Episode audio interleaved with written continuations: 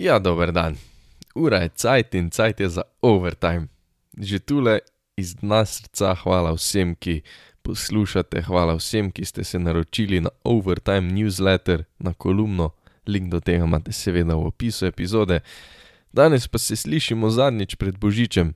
Na tem mestu vam vsem želim lepe praznike, naj vas ne zebe, jaz upam, da jih boste preživeli v krogu bližnjih eh, in zdaj mogoče bolj pa še kak kuhanček kot pa pivo, v vsakem primeru pa se udobno namestite, ko se podružimo. Rečemo seveda kako aktualno, drugače sem pa na koncu pripravil pismo Božičku, nekaj žel, kar se tiče lige NBA in jaz srčno upam, da mi jih Božiček uresniči. Phoenix Suns imajo novega lastnika, nov lastnik Sunsov je oziroma bo postal Matt Išbija. Eh, če pa grejo vsi ti papiri skozi, pa bo ratal najmlajši večinski lastnik z le 42 leti. Uh, Phoenix je kupil za 4 milijarde, ah, to pa so denarji, ne. In s tem v bistvu ligo zapušča Rob Sarver, ki je imel kar nekaj drame v zadnjih letih, predvsem v zadnjem letu, no, s temi s tem ustvarjanjem toksičnega okolja za delo, rasističnimi, seksističnimi opaskami, tako da hvala Bogu, da ga ni več v ligi, bo pa v bistvu kar veliko profita naredil. Ne. E, dobrih 15 let nazaj je kupil Phoenix za 400 milijonov, zdaj ga je prodal za 4 milijarde. E, kar se tiče same igre, da se ne bomo preveč spuščali v te zadeve izven igrišča, pa je Phoenix tak, no, rado malo toplo hladen, imajo dokaj veliko vprašanj, čeprav imajo tudi odgovore na posamezna vprašanja in večkrat je odgovor kot vprašanje Devin Booker, ki jih je nasul 58 proti New Orleans Pelicansom. V zadnjih tednih je imel kar slabe strelske predstave, no, štiri tekme pred to eksplozijo, v bistvu ni presegel 20 točk, v štirih tekmah ni metal čez 40 odstotno, kar je za njega kar grozno. No, proti New Orleansu pa je zadev 21 od 35 metrov, torej metal 60 odstotno iz igre in kot rečeno 58 točk ob zmagi Phoenixa, elita. Je pa tu še ena stvar, ki se nekako meša kot situacija izven igrišč in na igrišču, in to je odnos Montija Williamsa, torej trenerja Phoenixa in pa Deandreja Aitona. Problemi so se praktično začeli že v lanski sezoni, ko Deandre Aiton ni igral na zadnji tekmi proti Dallasu v končnici, ko je Phoenix izpadel, takrat je počlo, Aiton je poleti hotel podpisati z Indiano. Seveda je Phoenix to pogodbo izenačil in potem je na začetku leta dejansko zgledalo, da ok, smo pometli ti preprogo, no zdaj pa je verjetno ta situacija proti Washingtonu spet nekaj povrnila vprašajev, kar se tiče tega odnosa uh, proti Washingtonu Wizardsom, ko je Phoenix na koncu izgubil. Se je v enem timeoutu Monty drl v bistvu na Deandra Aitona, Aiton je valil krivdo na druge soigralce in je spet malo spokalo, ni bilo vsaj ni izgledalo dobro. Kar se tiče Deandra, čez sezono igra dobro. Nikoli še ni naredil tistega preskoka, ki smo ga od njega čakali, tistega preskoka, ki bi ga prvi pik pač mogel narediti, ampak dobra sezona, 18 točk, 10 skokov na tekmo, letos tudi dve asistenci, kar je največ, kar je do zdaj imel, v obrambi se trudi in je zelo, zelo pomemben za ta Phoenix. Kaj se bo zdaj s to situacijo zgodilo, bomo pa videli, ker zaenkrat torej Deandre še ne more biti traden. Podpisali so ga, mislim, da je 15. januar tisti datum, ko bo tudi Deandre Ayton lahko traden. Tu je večno vprašanje, ne. Pomemben je za to ekipo, ampak je dost pomemben, da ga bojo obdržali, je vprašanje. Naslednja ekipa, na katero se selimo in to je moštvo, o katerem se tudi veliko pogovarjamo, je LA Lakers. Končno je zgledalo, da se postavljajo na noge. V veliki meri je to šlo na račun Antonija Davisa, ki si je lahko lastil kar veliko zaslug, no, ta teden si je zjahal nogo. Ne bo ga vsaj en mesec. Najslabše prognoze pa namigujejo, da bi znal imeti poškodovano celo uh, isto tetivo v stopalu kot Chad Holmgren. Holmgren je out za sezono. In tu je torej vprašanje, če je možno, da AD-ja letos sploh ne bomo več videli. To res ni dobro, ker brez njega smo videli, da ne morejo. In uh, res je žalostno na v končni fazi, da zapravljajo še zadnje produktivne sezone Lebrona Jamesa, kar še enkrat namiguje na nesposobno vodstvo, ki še vedno trudi pa probuje s to ekipo, s to ekipo, ki je zgrajena v bistvu kot Lebrona, AD-ja in Rasla Westbrooka. To ni dobro. Potem pa še ena franšiza, o kateri se pa res ne pogovarjam, absolutno nič. Luka Dončić, čara in kuca. Jaz sem skoraj pripričan, da ste videli tisti viralni video, ki je v bistvu fejkal podajo z roko, v kateri ni imel žoge.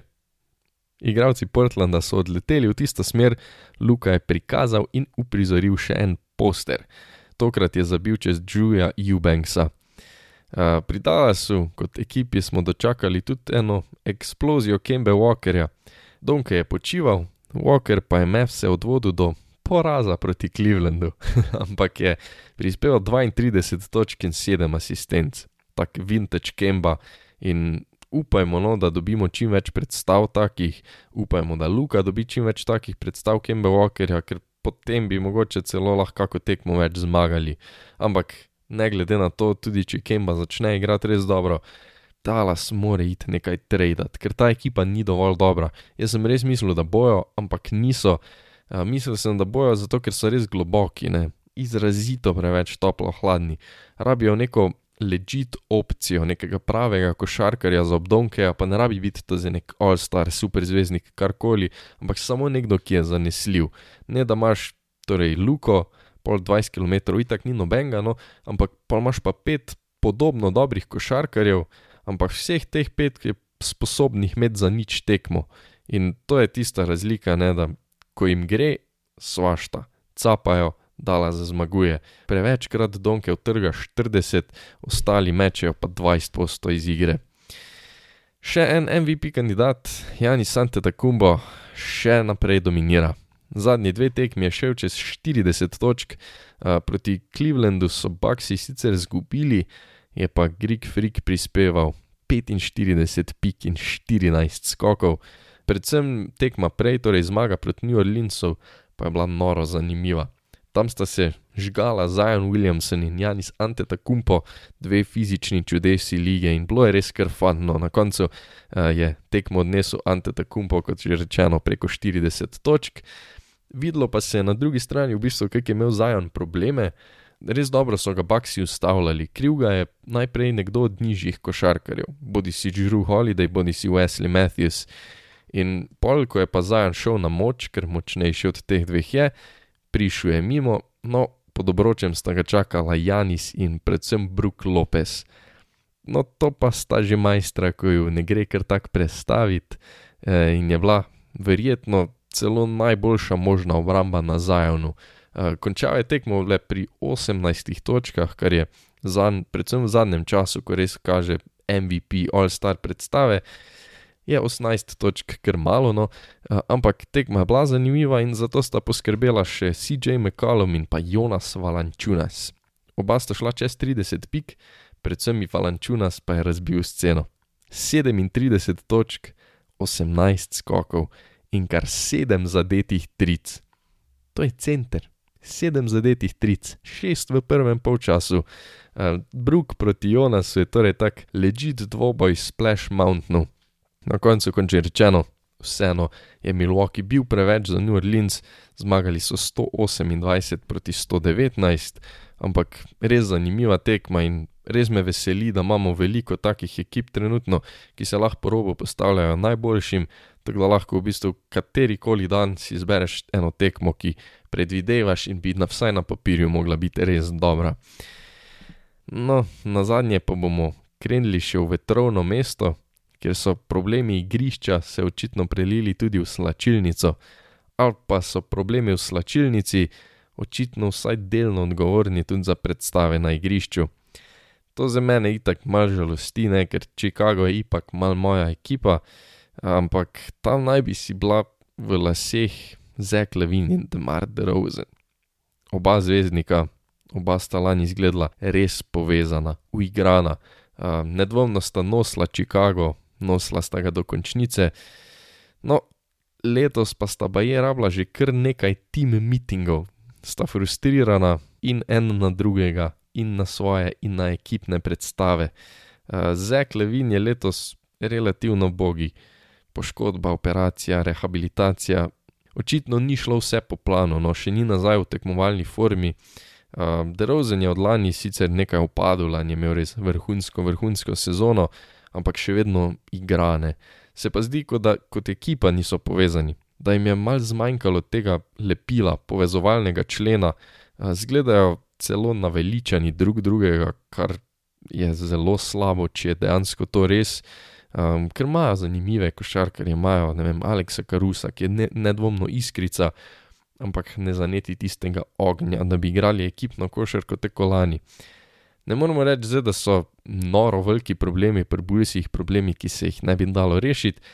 Je pa ekipa, vsaj na prvi pogled, dosti razdvojena, da bi se splačalo začeti razmišljati o nekem tradu, da to ekipo razbiješ, mogoče celo menjaš kakega od zvezdnikov. Bomo videli, no, na Bulls je definitivno treba biti pozoren, ker so zelo na točki, ko imajo nekaj res, res dobrih posameznikov, pa so treš. In to se ne splača, ne? to je v bistvu najslabše, da imaš dobro ekipo na papirju, oziroma vsaj nekaj zvezdniških igralcev, pa si slab. Tu je zdaj dve možnosti. Ali se greš izboljšati, torej draft kapital, kakšne mlade košarkerje za neko zvezdico, ali pa razbiješ ekipo, pa greš na dolgi rok graditi. Nekaj od tega bo definitivno treba. In zdaj smo že pri mojih treh božičnih željah. Dragi božiček, lepo te prosim, zašamari sodnike in vse, ki jim pustijo biti tako smotani. Hvala. To bi verjetno celo znala biti, nisem šel preveriti, ampak enaka želja, kot sem jo spekel lani. Ampak kaj naj, ko je situacija kvečjemu še slabša. NBA sodniki so grozni, nekonsistentni, Včasih se zdi, kot da pravzaprav sploh ne poznajo pravil, res grozni so, uh, užaljeni, entitled, razvajeni. In to jim pravzaprav dopušča liga s tem, ko so zaščiteni kot medvedki. Nekaj je nedvomno treba narediti, mogoče celo niso dosti izučeni, najslabše je, da njihove napake dejansko odločajo tekme, njihovi manjvrednostni kompleksi ali karkoli pač to je, in posledične tehnične napake pa nas prikrajšajo za nore obračune. Nekaj dni nazaj so izključili Džaja Morenta, ker se je pogovarjal z navijači. Fucking navijači! Ti so mu rekli, da bo treba začeti zdaj nekaj igrati, in Džaj jim je nazaj rekel, da bo res treba, ampak da bojo mogli sodniki začeti kaj piskati. In so zapiskali, ne? Pač prav ogabno. Navijači, košarkari, vsi so bili začudeni, ampak ne sodnika je užalil, on se je mal zjokal, ga vrgu ven, ker si to pač lahko privošči, nastradali na koncu pa smo pač v bistvu vsi gledalci, ki nismo gledali tekme, v kateri igra Džamorent. Dragi Božiček, moja druga želja je, obljubim, da bom priden, če se uresniči, da dobimo en blockbuster trade, tisti proper. Gremo zdaj AD v Chicago za Levina in DeRosa na tip trade, Kawhi Leonard tip trade da se stvari premešajo, postavijo na glavo, da nastopi ena nova ekipa, ki bi se lahko umešala v boj za naslov. Ekipa, ki gre na glavo in je rata. Več je menjav, po mojem mnenju, boljše je. Kot zadnje, dragi Božiček, pa si res hudo želim, da se Dirov svrne v Chicago. Obleče enko, je produktiven roleplayer in z bulsi osvoji naslov prvakov. Sanski zaključek za mojega, vašega našega najljubšega košarkarja, ki ga ima Chicago rad in on ima rad Chicago. To je to.